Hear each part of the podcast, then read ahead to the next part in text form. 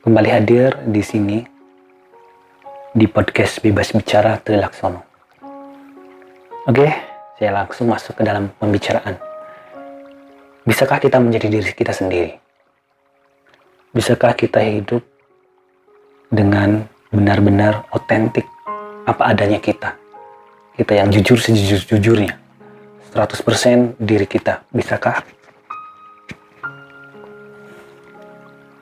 Saya menyadari selama ini saya hidup dalam keadaan yang sering palsu.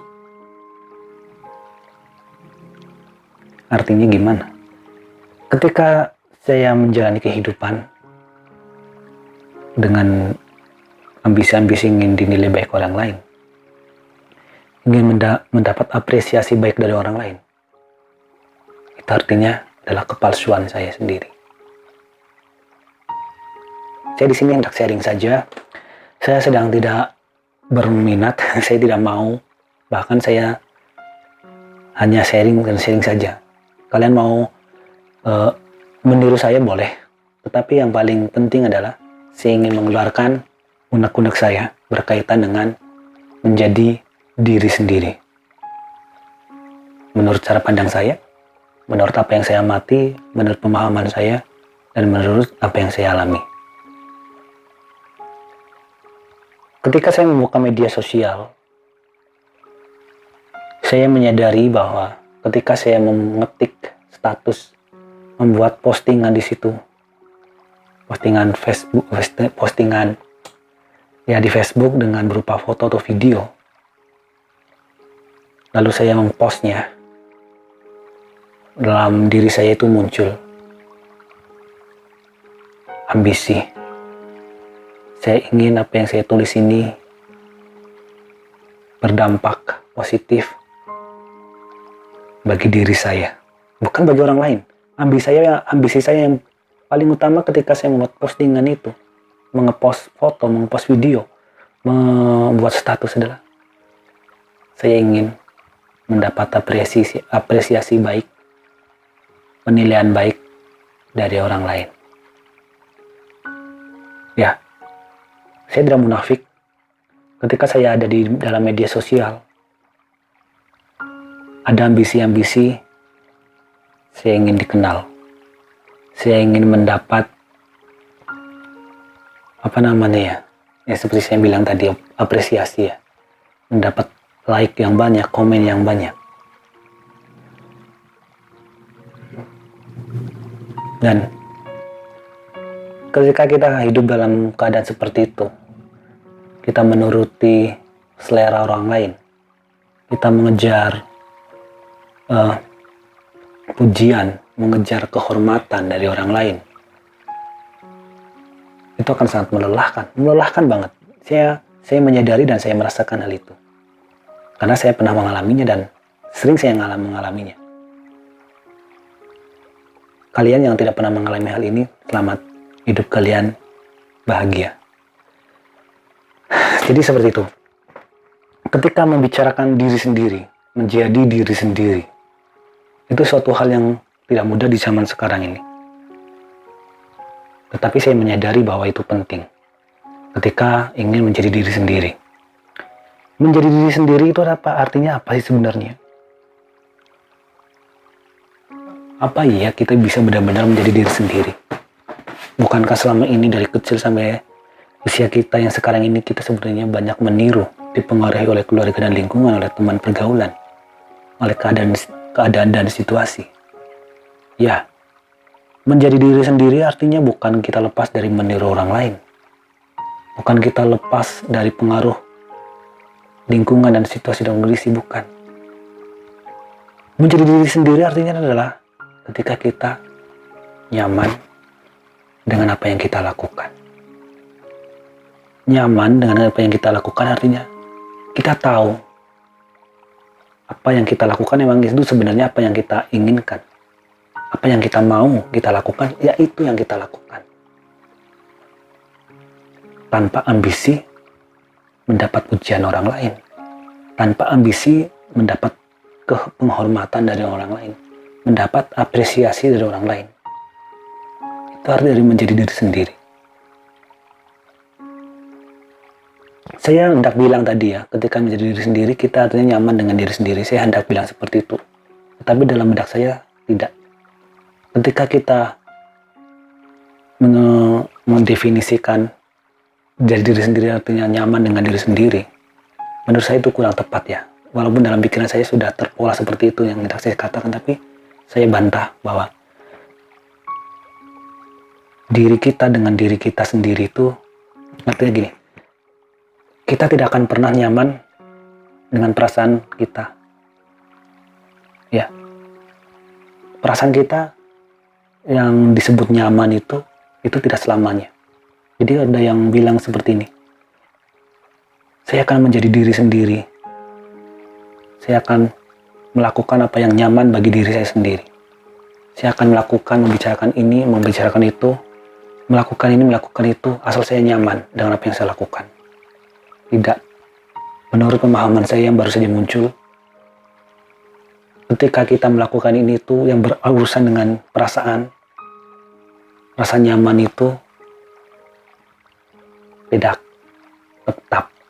Itu akan selalu berubah. Nyaman itu datang dan pergi. Itulah kenyamanan. Jadi, bohong kurang tepat. Kalau kalian, saya nyaman dengan diri sendiri saya nyaman dengan menjadi diri sendiri. Tidak. Sadari dan sadarilah bahwa dalam perasaan kita tetap ada gejolak. Ketika kita akan melakukan ini, kita akan melakukan itu, kita memutuskan ini, memutuskan itu, selalu ada gejolak dalam diri. Ketika ada gejolak dalam diri yang bertentangan, itu artinya ketidaknyamanan ada dalam diri kita. Jadi menjadi diri sendiri, seperti yang saya bilang tadi, menurut pemahaman saya adalah ketika kita melakukan apa yang kita inginkan, apa yang kita ingini, kita lakukan. Itu artinya kita menjadi diri sendiri.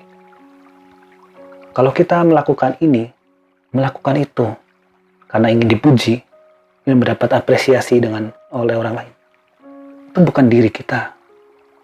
Itu adalah keinginan-keinginan dari orang lain sebenarnya selera orang lain yang kita lakukan. Tapi kalau kerja gimana? Ya, kalau masalah kerja beda lagi. Ketika bos bos menyuruh pekerja, melakukan pekerjaan ini yang sebenarnya tidak kita ingini, tapi terpaksa harus kita lakukan karena kita bekerja. Itu sebuah pilihan sebenarnya dan memang yang namanya pekerjaan yang bukan di minat kita, bukan di passion kita, bukan di keinginan kita, itu artinya kita sedang hidup menjadi bukan yang bukan diri kita sebenarnya. Gitu. Ketika kita melakukan perintah dari orang lain atau melakukan apa pun yang sebenarnya bukan keinginan kita, bukan kemauan kita, bukan kerelaan kita. Itu artinya kita tidak sedang menjadi diri sendiri. Berat ya. Ya sebenarnya apa yang saya katakan ini memang muncul begitu saja dalam pikiran saya saya bingung juga cara menyampaikannya itu gimana. Tapi yang saya sampaikan adalah se ya yang sebisanya saya. Definisi menjadi diri sendiri yang saya pahami adalah seperti itu. Ketika kita melakukan sesuatu memang benar-benar dari apa yang kita mau, apa yang kita ingini.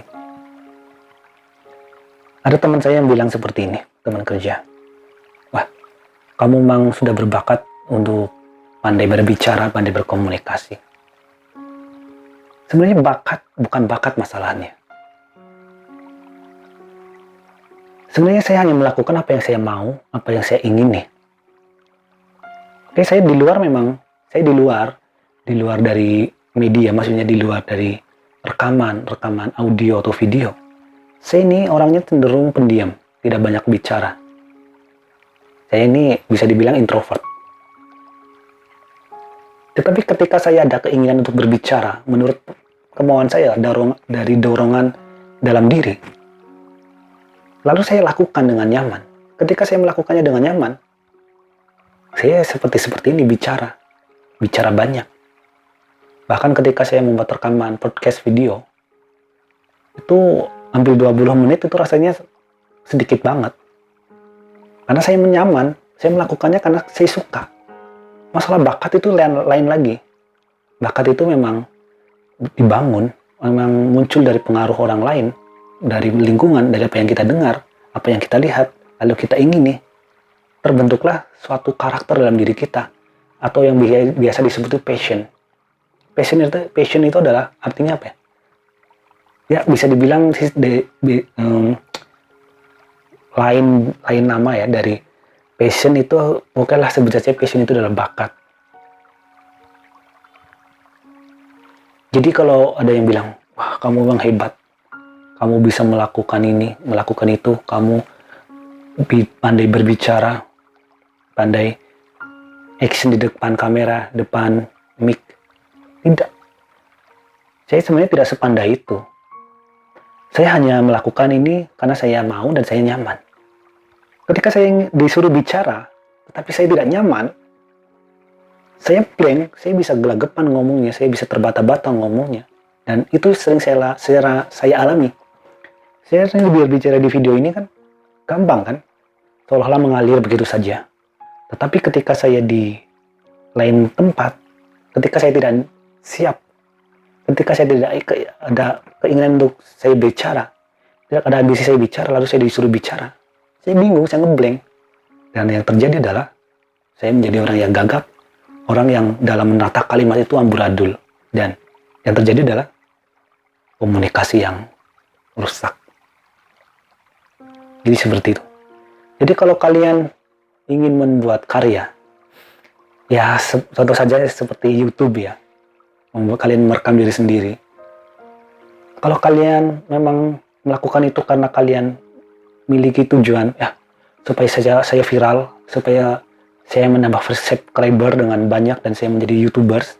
Ketika kalian melakukan itu dengan motivasi ambisi seperti itu, kalian akan lelah. Karena apa? Kalian akan melakukan sesuatu yang sebenarnya bukan diri kalian. Yang sebenarnya kalian tidak sukai, tetapi demi ambisi yang ada dalam diri kalian, ambisi-ambisi untuk mendapat materi, mendapat sesuatu, kalian rela menjadi diri yang bukan diri kalian. Dan saya merasakan bahwa ketika menjadi diri yang bukan diri sendiri itu sangat sakit dan sangat lelah. Menjadi diri sendiri saya sudah bilang tadi ya definisinya di belakang tadi saya bilang definisi menjadi diri sendiri. Jadi kalau kalian ketinggalan ya kayaknya tidak mungkin ya kalau kalian me, apa menonton video ini dari awal sampai di menit ini, kalian tahulah definisi menjadi diri sendiri menurut pemahaman saya. Dan saya masih, maaf saya mana namanya, masih nyambung pembicaraan ini. Jadi seperti itu. Ketika kita melakukan segala sesuatu, bukan karena keinginan kita, karena keterpaksaan, bukan dari dalam, bukan inner dari inner ya. Itu memang susah.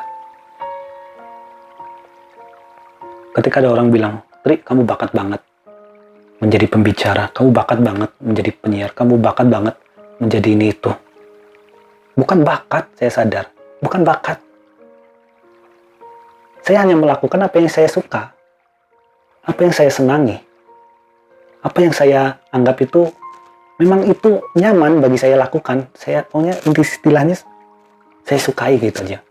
Dulu waktu saya awal-awal awal-awal belajar ngomong seperti ini di depan mic, di depan kamera. Ketika saya ngomong di depan kamera, di, de di depan mic untuk membuat suara, rekaman suara. Terus dalam diri saya ambisinya adalah supaya saya dikenal orang supaya saya menjadi mendapat apresiasi dari orang lain, supaya saya mendapat keuntungan materi. Justru itu yang terjadi adalah amburadul. Amburadul. Karena apa?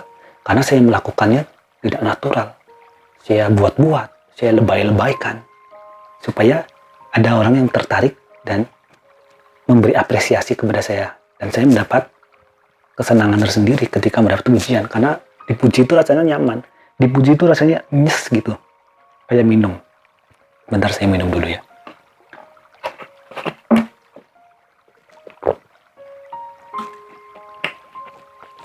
Yang saya katakan ini memang yang saya alami seperti itu. Jadi kalau kalian beda pengalamannya menurut kalian oh tidak seperti ini ya itu wajar. Kan itu yang saya sampaikan seperti yang saya bilang tadi itu berdasarkan apa yang saya alami. Ya. Saya untuk sampai kepada ngomong bisa selancar ini depan kamera itu pun karena saya melakukan istilahnya latihannya. Dulu-dulu saya ketika saya belajar-belajar masuk di terjun, belajar ngomong di depan media, di depan media seperti ini maksudnya bukan media media massa karena saya belum sepede itu kali. Itu rasanya emang grogi banget grogi banget ngeblank blank dan percaya nggak saya jujur aja ya jujur aja. Saya kan di sini di depan kamera ini kan ngomongnya lancar seperti ini. Tetapi ketika di depan banyak orang di perkumpulan ketika saya di, di disuruh bicara dan saya belum siap dan saya tidak bisa mengatasi grogi ya yang terjadi adalah saya ngomongnya berantakan. Berantakan. Saya mengulang-ulang kalimat lah saya tidak jelas ngomongnya lah, tatanan katanya tidak pas. Saya menyadari itu. Jadi saya bisa selancar ini ngomongnya. Itu karena saya sendiri nih, sendiri. Kedua, ya karena saya ingin menyampaikan unek-unek saya saja. Unek-unek saya yang saya rasakan.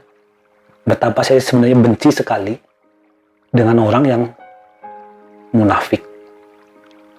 Ketika saya melihat orang-orang yang bermuka dua, bermuka dua, itu sebenarnya saya benci banget. Benci banget, tapi saya pendam. Ketika ya ada teman orang ya, ketika di depan orang lain itu mukanya manis banget, kata-katanya manis banget. Tetapi di belakang dia ngomongin, di belakang dia ngomong busuk. Jujur, jujur saya benci banget orang seperti itu. Tetapi saya sih oke okay lah itu namanya manusia saya berusaha menerimanya aja. Saya tidak mau menentangnya saya juga berusaha belajar memahami mereka. Mereka memiliki motivasi sendiri-sendiri mereka memiliki tujuan tersendiri udahlah gitu. Tetapi kalau boleh jujur saya benci. Apalagi kalau orang yang ingin menjadi teman saya itu orangnya munafik saya sulit menerima. Ketika sikapnya dibuat lebay, disebat, dibuat alay, tidak menjadi diri sendiri, saya sebenarnya benci. Tidak mau menerima istilahnya. Saya tidak benci dengan orangnya, saya tidak mau membenci dengan orangnya, saya membenci sifatnya aja. Ketika rekan kerja di hadapan bos itu manis banget, tetapi di belakangnya ngomongin, di belakangnya menjelek-jelekan, itu saya muak banget sebenarnya muak banget. Terus Pri emang kamu nggak seperti itu? Ya saya emang kadang seperti itu tapi saya belajar untuk tidak seperti itu. Saya belajar untuk natural natural. Di depan bos seperti ini di belakangnya seperti ini. Walaupun kadang saya saya jujur kadang saya juga ngomongin bos di belakang. Tetapi saya tidak berusaha untuk tidak over lebay di dalam membicarakan keburukan-keburukan orang lain. Saya menjadi pendengar aja lebih baik. Jadi pendengar. Walaupun sebenarnya menjadi pendengar gosip, menjadi pendengar menjadi pendengar orang yang menggunjingi orang lain itu sangat tidak nyaman. Itu kalau saya ada dengan, dengan kalian. Ketika mendengar kata-kata keluhan, mendengar kata-kata omelan, mendengar kata-kata gunjingan, gosip, bagi saya itu sangat sangat risih. Tetapi ketika saya tidak bisa mengontrol diri, ya ada kalanya saya lepas kontrol. Saya menjadi ikut-ikutan terpengaruh dan menjadi pelaku dari membicarakan buruk orang lain. Dan setelah saya melakukannya, jujur saya menyesal. Dan saya buat komitmen, komitmen lagi untuk mengontrol diri supaya apa yang saya ucapkan ini tidak munafik, dan tidak bejat. Untuk orang yang belajar itu jatuh itu hal biasa. Tetapi yang terpenting ada niatnya untuk belajar kembali sampai berhasil. Gitu. Jadi saya tidak munafik, saya pun kadang ngomongin buruk orang lain. Saya kadang bergosip. Tetapi dalam batas kesadaran. Saya sadar itu salah. Dan setelah itu, saya berusaha untuk perbaiki diri lagi supaya saya bisa menjadi pribadi yang lebih baik lagi. Jadi ketika saya ngomongin orang lain, keburukan orang lain, bukan karena keinginan saya, itu bukan diri saya dan itu sangat tidak nyaman. Ya. Ini aja yang saya sampaikan. Sudah 20 menit lebih beberapa detik dan hampir menuju 21 menit. Saya ngomong, kalian paham poin-poinnya kan? Intinya menjadi diri sendiri. Ya. Sebenarnya di podcast di channel YouTube podcast bebas bicara ini saya juga ada rekaman tentang tujuh cara menjadi diri sendiri. Tetapi itu saya sharekan lewat seolah lewat bacaan, jadi saya membaca, saya sampaikan. Tetapi kalau yang sekarang ini saya benar-benar sharing dari diri saya sendiri, dari pengalaman saya sendiri, dari apa yang saya unek-unekkan, apa yang ingin saya sampaikan, saya sampaikan. Kalau kalian bertentangan dengan apa yang saya pahami, ya tidak apa-apa. Tapi ini yang saya sampaikan. Ya, podcast atau channel YouTube ini bagi saya ini adalah tempat curahan atau unek-unek. Tempat saya menyampaikan apa yang perlu saya sampaikan, membicarakan apa yang selalu yang perlu saya bicarakan. Seperti slogan dari podcast ini, yaitu membicarakan yang perlu dibicarakan. Jadi ke, yang perlu dibicarakan menurut keperluan siapa? Menurut keperluan saya, karena saya pemilik channelnya. Jadi ketika saya merasa apa yang saya bicarakan tidak perlu ya, saya tidak akan bicarakan. Oke, ini aja yang saya sampaikan. Nanti kita jumpa lagi di rekaman berikutnya. Ya, jadi kalau kalian melihat pembawaan saya seperti ini, ya maklumi, memang saya tidak bisa seasik para youtuber lain, pembicara lain tidak saya tidak seasik itu. Saya bukan komedian, saya bukan aktris. Saya bukan apa, orang yang pandai beraction tidak. Memang seperti ini adanya. Kalau saya buat-buat malah saya jadi jelek. Kayak di video sebelumnya saya itu sok-sokan jadi sok asik. Tapi saya sendiri melihatnya juga muak. Itu bukan diri saya banget. Tetapi udah saya simpan aja saya uh, taruh aja tetap di podcast. Dan ke depan saya bisa nyaman dengan diri saya seperti ini atau tidak dengan keinginan saya sendiri atau tidak ya tunggu aja. Kalau saya nyaman dengan kelebayan saya dengan bersama keinginan saya saya lakukan. Ya seperti saya katakan tadi menjadi diri sendiri adalah melakukan apa yang benar-benar saya ingini saya mau dan saya anggap senang. Oke? Saya terlaksana undur diri jumpa lagi nanti di rekaman berikutnya. Terima kasih